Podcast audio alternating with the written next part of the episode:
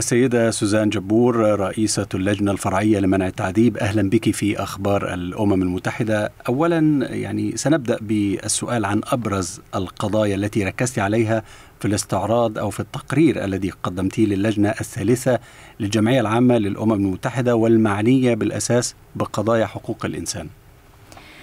أكيد قدمت أمام اللجنة.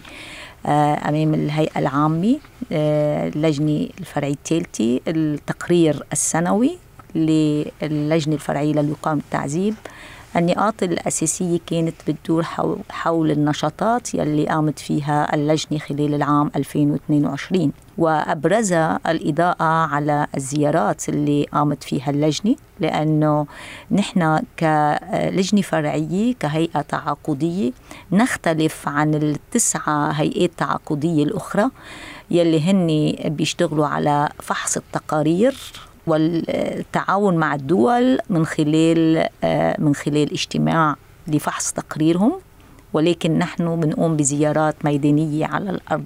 وهيدي هي القيمة المضافة للجنة الفرعية لأنه كل الأفيدنس يعني ال الأشياء اللي نحن بنجيبها هي آه، بنشوفها نحن شخصيا مش بنقريها عبر التقارير. وبنقدر من خلال الزيارة كمان إنه نعمل شيء بنقول له ترينجوليشن يعني نجمع من أكثر من وجهة نظر ومن طرف موضوع آه، الانتهاكات يلي وسوء المعاملة والتعذيب اللي بيتعرضوا له الأشخاص المحرومين. من حريتهم النقطه الثانية هو أشرت إلى أهمية التعاون مع الإليات الوطنية للوقاية من التعذيب يلي الدول بعد ما تصدق على البروتوكول الاختياري هي ملزمة بعد سنة من التصديق بأنها تنشئ هيدي الإلية الوقائية الوطنية. نحن بنشوف هيدي قوة البروتوكول بهال بهالعلاقة الثلاثية ما بين الدولة الطرف وما بين اللجنة الفرعية أو ما يسمى باللجنة الدولية ال SPT واللجنة الوطنية للوقاية من التعذيب نحن بنقول عندنا اليوم 70 آلية وقائية وطنية ب 70 دولة. عندنا 93 دولة هن آه، دول أطراف بالبروتوكول. فبعد عندنا 23 دولة غير ما أنشأت بعد إلياتها الوقائية الوطنية. ندعي هيدي الدول لإنشاء هيدي بأسرع ما يمكن إلياتها.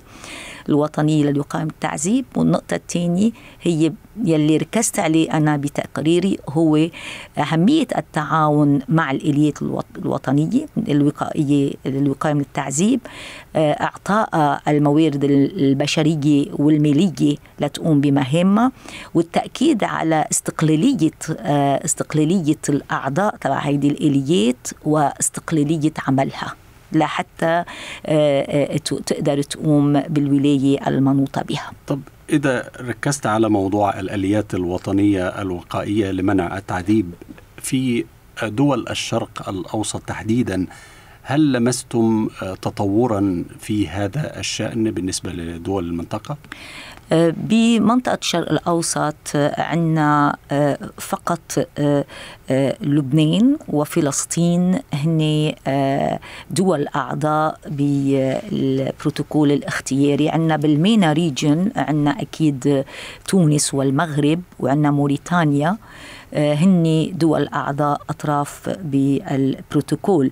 وعندنا آه، آه، فقط إلية وطنية في لبنان ولكن هذه الإلية تتعثر في إمكانية القيام بمهامها وبولايتها لعدة أسباب. وأكيد أنا كلبنانية ورئيسة اللجنة لا يجوز أن أبدي رأيي أو أتدخل فيما يتعلق بقضايا تعني بلدي.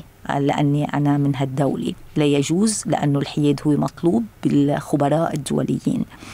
آه، إليات بمنطقة الشرق الأوسط ما في. اليوم نحن بعد زيارة مؤخرا لفلسطين. هناك نية وعمل جاد من قبل الدولة الفلسطينية والسلطات الفلسطينية لإنشاء الإلية الوقائية الوطنية. زرتم آه، بعض الدول في المنطقة ودول كثيرة حول العالم. يعني ما هي أبرز التجارب التي رأيتموها أو التي شاهدتموها على الأرض والتي يمكن تعميمها في الدول التي لم تتبنى تجارب بعد تجارب رائدة في هذا المجال. بالتأكيد أول نقطة هي الانخراط في الوقاية من التعذيب في المنظومه العالميه هو التصديق على البروتوكول الاختياري. لاتفاقية مناهضة التعذيب النقطة الثانية هي إنشاء الآلية الوقائية الوطنية ولكن آليات تكون فعالة يلي بتجاربنا من خلال الزيارات يلي حوالي بفوق 80 زيارة من 16 سنة تاريخ آه، البروتوكول و15 20 سنة على البروتوكول و16 سنة على وجود اللجنة الفرعية للوقاية من التعذيب. أكيد تعاطي بموضوع الوقاية من التعذيب يتفاوت من منطقة إلى منطقة ومن بلد إلى بلد. ولكن اللي فيني أقوله الانتهاكات أو المشاكل يلي الجوهرية يلي يعاني منها الأنظمة يلي للمؤسسات العقابية هي آه، أرض خصبة لتعزز المخاطر لشتى أنواع سوء المعاملة. هناك تجارب ناجحة وهناك آه، وجود آه، هيئات رقابية فاعلة وهناك قوانين تطبق في مناطق عدة وهيدي نماذج كتير مهمة وفي احترام لكرامة الأشخاص يلي هن محتجزين آه، بكثير من من من الدول هيدا شفناه هيدا الشيء بيعطي الأمل لأنه هيدي الممارسات تكون كمان تنتقل آه، خصوصا عندما الدول بيتشاركوا بيتعاونوا بما بنقول له نحن ال peer-to-peer engagement يعني وقتها يلي بيصيروا هن يحاولوا يتعلموا من بعضهم هون نعم. بيكون في تأثير كتير إيجابي لأنه الانخراط الدول فيما بينها يساعد على نقل التجارب الناجحة. وإضافة لهالشيء فيني أقول أنه آه، معوقات كتير كبيرة أمام آه، الطريق للوقاية من التعذيب. ف... مثل ماذا المعوقات؟ المعوقات هي التعذيب يحصل في الأماكن المغلقة. التعذيب يص... يعني بيتم في آه، الظلمة في أماكن ما في ولوج لها أهمية البروتوكول إنه هو بيقدر يوصل لهيدي الأماكن المغلقة. أوكي؟ ولكن أهمية آه، آه، أهميته كمان إنه قديش ممكن يخلق وتيرة من الزيارات المتكررة والفجائية لحتى يقدر يعني يكون في فعالية وأثر ردعي لحتى الدول توقف استخدام التعذيب. أنا اللي بدي أقوله منها أهميتها هو العوائق هي عدم وجود إطار قانوني آه، يوقي من التعذيب أو يجرم التعذيب. النقطة الثانية هو عدم وجود ضمانات أساسية قانونية للأشخاص الموقوفين وخاصة لأن التعذيب بيحصل غالبا في مراحل التوقيف الأولية. وإذا الضمانات القانونية للأشخاص المحتجزين ما بتكون مطبقة ومنفذة كمان بنكون مخاطر التعذيب عالية. فهيدا الشيء يلي بنحب نأكد نحن أحيانا بالزيارات بنكتشف إنه السيستم موجود القانون الإطار القانوني موجود ولكن وقت اللي بنجي لحتى نشوف هل هيدا القانون وهيدي الضمانات القانونية هي تطبق لصالح الأشخاص الموقوفين أو الدولة تطبقها حسب أغراضها. هي نحن هاي هي الأهمية بأنه لا يكفي وجود القانون ولا يكفي وجود الإليل مهم كيف كيف نحن بنطبق هل هو لصالح أو لصالح الأشخاص الموقوفين هل هو لتخفيف المخاطر يلي بتضاعف من إمكانيات وجود تعذيب؟ هيدا هي التحدي الأساسي في موضوع الوقاية من التعذيب. هناك مناطق كثيرة تشهد صراعات ونزاعات داخلية. كيف يؤثر ذلك على جهود آه، مكافحة أو مناهضة التعذيب؟ وأيضا ما هي التوصيات في هذا المجال والملاحظات أيضا بالنسبة للجنة الفرعية لمنع التعذيب؟ آه، بالتأكيد هذا موضوع جدا أساسي واليوم مطروح لأنه للأسف أنه الحروب تتكاثر والصراعات في أكثر من منطقة موجودة وحالة الحرب تمنع من إنه الولوج إلى هذه الأماكن أحيانا خصوصا لما بيكون في هناك مناطق ضمن دولة تم السيطرة عليها من دولة أخرى. وأحيانا بيكون هالدولة هي طرف بهالبروتوكول ويمكن ما تكون طرف بهذا البروتوكول. فهيدا آه، التحدي أمام اللجنة الفرعية للوقاية من التعذيب. آه، كيفية التعامل آه، بظرف الحرب الولاية اللي لدى اللجنة الفرعية للوقاية من التعذيب. آه، ما بدي أقول لا تشمل ليس من السهل تطبيقها في زر ظل الحرب إذا كانت قائمة. هو هون أكثر التعامل هو ممكن للصليب الأحمر الدولي يلي مفروض يتعامل مع أسرى الحرب ويعمل زيارات لل... للأشخاص اللي بيعتقلوا آه، بسبب خلال الحروب. ولكن نحن بنقول وين في آليات وقائية وطنية؟ هي شريكة أساسية لنا على الأرض. وهناك صراعات وحروب قائمة. نحن ندعم ونؤكد على أنه الزيارات يلي بتقوم فيها هيدي الآلية الوقائية الوطنية أن تستمر طالما أن المخاطر على حياة هدول الأشخاص بيقوموا بالمراقبة لأماكن الاحتجاز مش آه، ما بتهدد آه، حياتهم. فكمان بدنا نوازن بين كيف حماية الهيئات الرقابية خصوصا أعضاء الآليات الوقائية الوطنية وما بين آه، مدى التأثير في الوقاية من التعذيب. أكيد عملية معقدة خصوصا في ال conflict zone وهيدا هيدا شيء آه، نحن بنعيشه وفي نوع من المعضلة أمام ليس فقط اللجنة الفرعية للوقاية من التعذيب ولكن أمام هيئات رقابية. لأنه حتى بظل الحروب الأولويات تتبدل وحقوق الإنسان والوقاية من التعذيب وتجريم التعذيب أو مساءلة مرتكبي جرائم التعذيب وحظر التعذيب يصبح بترتيب الأولويات في السلم في الدرجة الأخيرة من سلم الأولويات. آه، ف وهيدا بنشوفه بكافة المناطق اللي فيها نزاعات. هناك تراجع. بهيدا الأمر وهيدا التراجع بشكل مخاطر كتير كبيرة على الإنسانية آه، ككل وخصوصا الأشخاص يلي ممكن يعتقلوا أو يوقعوا أسرى أو ممكن يكونوا بأماكن آه، مغلقة كأشخاص محتجزين. وهون بدي أنا to highlight أشير لشيء مهم جدا أنه تعريف أماكن الاحتجاز والحرمان من الحرية هو تعريف جدا واسع. وهيدا ما قامت في لجنتنا. عم تقوم اليوم بإعداد أول general comment ملاحظات عامة حول المادة أربعة يلي بتفسر شو هي مراكز الاحتجاز. فأنا والحرمان من الحرية فبدي أقول لك كمان إنه مستشفيات الأمراض العقلية هي آه، آه، أماكن حرمان من الحرية لأنه الأشخاص بفوتوا عليها. من ال non-traditional places of detention لأنه الأشخاص بيدخلوا لها هن بمكان مغلق. أحيانا بيكونوا باراده غير طوعيه وبدون الموافقة المستنيره تم إيداعهم بهيدي المؤسسات مراكز الأيتام مراكز الإعاقة مراكز ال elderly الأشخاص اللي هن آه، آه، كبار بالعمر. هي كلها مراكز الكورنتين يلي يلي انوجد وكان موجود قبل بس ولكن مع ازمه الكوفيد. هي كلها مراكز نحن نعتبرها مراكز مغلقة والولوج لها هو ضروري لأنه مخاطر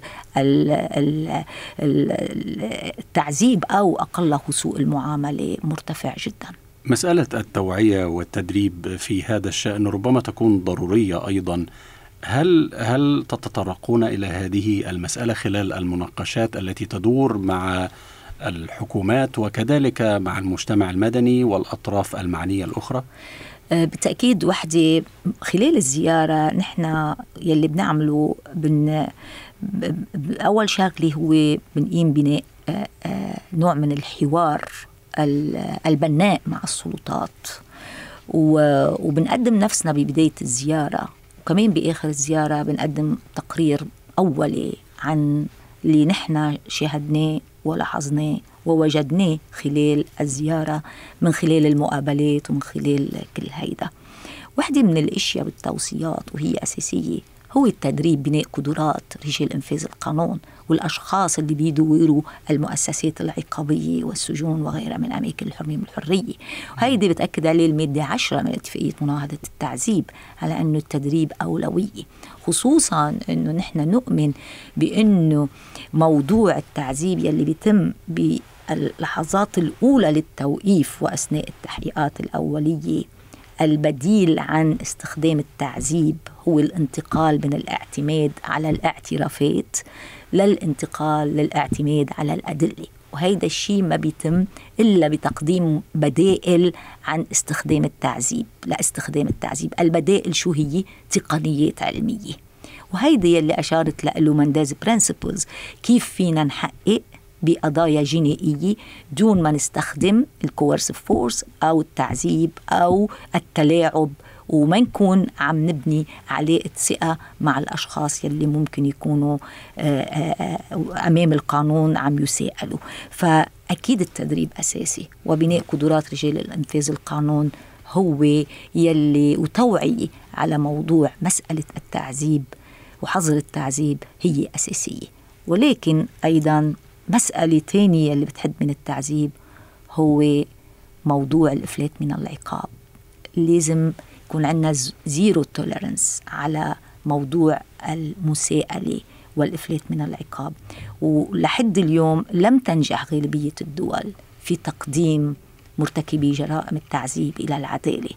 أنا وعم بحكيك بهاللحظة آلاف من الضحايا عم بتئن أجسادهم تحت وطأة التعذيب. في الأقبية والأماكن المغلقة وحيث النزاعات والصراعات قائمة ولا أحد يسمع ولا أحد يدري.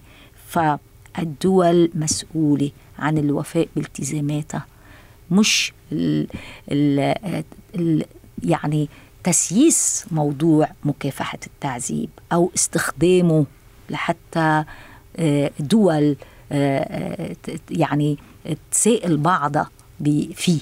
بدنا الممارسات. أين هي الممارسات؟ وين الممارسات الفضلة اللي عم تقدمها الدول؟ عم نعرف أنه دول لما بتكافح التعذيب وتقدم تعمل وقاية من التعذيب المكاسب جدا كبيرة لدى الدول. وهيدا الشيء يلي علينا نروج له ونتساعد على شرحه للدول. أول شغلة تصبح الدول جزء من المنظومة العالمية لمكافحة التعذيب والوقاية من التعذيب. تاني شيء اللي بتكسبه الدول الدول لما تنخرط بهيدا العمل لحظر التعذيب والوقاية منه إنه السمعة والصيت يلي بيكون لها. ثالث عامل وهو أساسي إنه كمان بت بتعزز ثقة المواطنيها فيها كسلطة ولأنه الأمن ليس نقيض لحقوق الإنسان. وال يعني صنع صنع ال ال الأمن ما ما بيعوز آه، استخدام التعذيب وسوء المعاملة بيعوز ثقة ما بين المواطن وأجهزة الدولة يلي بيعوز قضاء فاعل يمارس دوره ويكون مستقل ويسائل مرتكبي جرائم التعذيب بدون ما توصل أمامه آه، الدعاوى ويقدموها الضحايا المزعومين لأنهم الضحايا يخشون أنهم يتقدموا ب بدعاوى ضد مرتكبي جرائم التعذيب من السلطات خاصة لأنه نحن عم نحكي عن رجال انفاذ قانون يلي يلي يلي بتصرفوا بصفة رسمية آه، آه، أثناء مهامهم يستخدموا التعذيب. لأنه ليس هناك من نظام حماية لا للضحايا ولا للشهود. ف القضاء مفروض بموجب علمه عن أنه هناك مزاعم تعذيب عليه أن يفتح تحقيقات. ولا يوضع وما فينا نوضع حد إلا ما يكون عندنا قضاء فاعل ومستقل ويسائل والإفلات من العقاب ينتهي. هناك سؤال يتعلق ب ارتباط هذا الموضوع موضوع منع التعذيب بحقوق الإنسان بالتعريف الأشمل لحقوق الإنسان، يعني نحن نحتفل هذا العام بالذكرى الخامسة والسبعين لاعتماد الإعلان العالمي لحقوق الإنسان. في هذه المناسبة يتم التأكيد على أهمية حقوق الإنسان التي يجب أن يتمتع بها الجميع وأن الحديث عنها ليس رفاهية. فما هي الرسالة التي يمكن أن توجهيها عبر أخبار الأمم المتحدة للتأكيد على أن حقوق الإنسان ليست رفاهية بل هي أمر أساسي؟ حظر التعذيب هو شأن أساسي ضمن حقوق الإنسان. لا يجوز تعريض أي شخص مهما كانت آه، الجرم اللي ارتكبه إلى إلى التعذيب. هيدا أمر مطلق. مفروض يكون وحظره يكون مطلق. حقوق الإنسان آه، آه، ولا يجوز مس بالكرامة الإنسانية المتأصلة بالشخص لأنه التعذيب لديه آثار جدا مخيفة على أمن المجتمعات لأنه شو هدف التعذيب؟ هو إسكات الضحايا هو عقاب الضحايا هو كمان تخويف الناس. فلمن الدول تستخدم هيدي الأداة فإذا بتكون هيدا منافي. لمبدأ أساسي هو إنه لا يجوز إخضاع أحد لأي شكل من أشكال التعذيب أو لسوء المعاملة فهيدا آه، في صلب حقوق الإنسان وهيدا من البديهيات حقوق الإنسان ليست برفاه آه، آه، نحن عم نقدمه لشعوبنا ولمواطنينا. هي حقوق على الدول أن تسعى لأنه توفرها كحاجات أساسية كحاجات أساسية لمواطنينا. هي حقوق الإنسان هي الرئة الثانية يلي مفروض الإنسان يتنفس من خلالها. السيدة سوزان جبور رئيسة اللجنة الفرعية لمنع التعذيب. شكرا جزيلا لك.